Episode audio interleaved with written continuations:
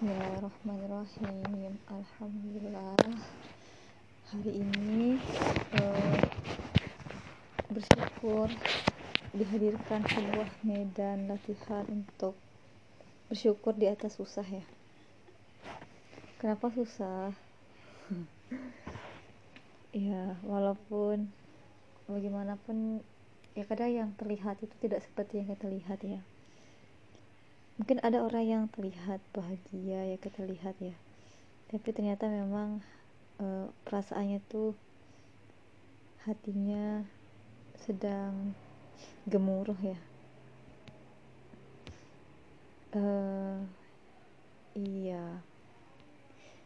Hari ini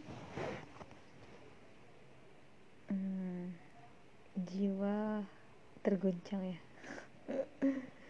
Be, bagaimana tidak ya? Mungkin bisa saja tidak ya, tapi tentu aku menyadari kualitas yang sangat jauh ini ya. Iya, jiwa kembali lagi uh, jiwa merasakan sebuah gemuruh ya. Sebuah kekecewaan, kecemasan, ketakutan ya. Uh, dalam kondisi seperti ini aku mensyukuri aku bisa merekam apa yang dirasakan oleh jiwa ya. Dan itu tentu sangat menakutkan sekali kayak gitu. Yang tadinya stabil menjadi tidak stabil ya kayak gitu. Ya makanya kenapa sebelum jiwa merasakan sebuah gemuruh ya sebelum sebuah gangguan mengganggu jiwa jiwa perlu jiwa perlu didekatkan dengan pencipta ya. Dan akal perlu mengetahui diberi diberitahu ya apa sih yang kamu butuhkan wahai jiwa? Iya tentu akal ingin sosok jiwa ini menjadi jiwa yang mutmainnah ya. Jiwa yang tenang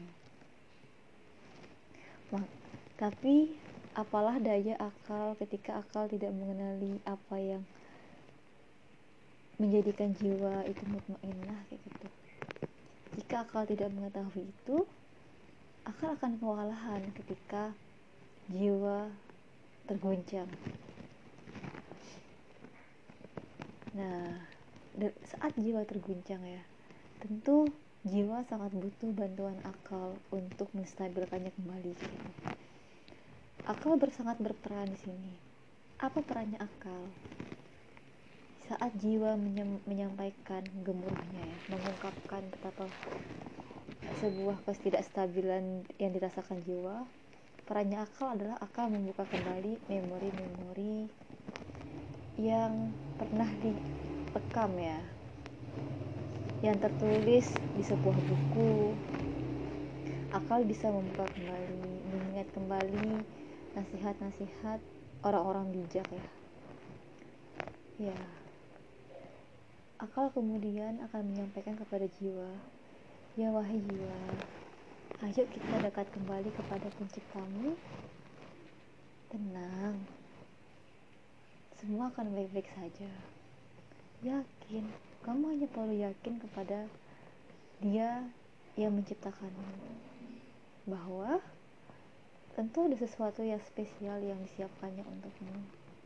Tenang, semua akan berlalu. Kamu hanya perlu menyelesaikannya, menghadapinya, ya menghadapi untuk menyelesaikannya satu persatu.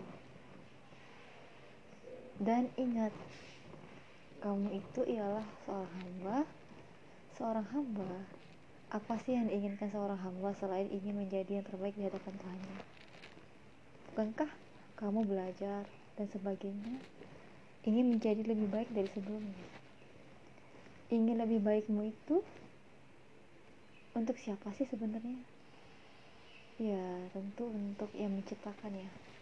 Karena sesuatu yang dilakukan karenanya tentu akan lebih tahan lama. Ya perlahan itulah yang dikatakan akal ya kepada jiwa. Perlahan perlahan perlahan jiwa pun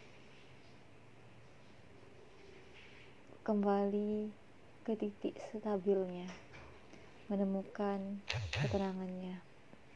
Iya jiwa sadar akal pun uh, mensupport ya akal pelan-pelan beserta hati ya menggiring jiwa untuk lebih dekat dengan penciptanya tidak meninggalkan kebiasaan-kebiasaan yang membuatnya dekat dengan penciptanya. Hanya karena sebuah guncangan. Iya. Sehingga saat jiwa itu tenang guncangan itu pun perlahan-perlahan akan menghilang akan ditaklukkan dan kita pun akan bisa. Dan uh, hmm, yang tadinya dari luar nampak berbeda dengan yang di dalam ya. Secara zuhir terlihat bahagia ya. Dan sekarang ketika jiwa tenang akan semakin ia akan memancarkan kebahagiaan yang sebenarnya. Kembali tenang kembali menyelesaikan apa yang perlu diselesaikan ya Alhamdulillah. Terima kasih wahai jiwa. Terima kasih wahai akal telah menuntun jiwa kembali ke fitrahnya yaitu jiwa yang mutmainnah agar saat tiba-tiba ya tiba-tiba sang pencipta memanggil jiwa jiwa siap dengan penuh ketenangannya menghadap kepada pencipta. Ya wahai jiwaku semoga kau kembali kepada penciptamu dalam keadaan yang mutmainnah. Amin ya rabbal alamin. Semoga kalian juga ya.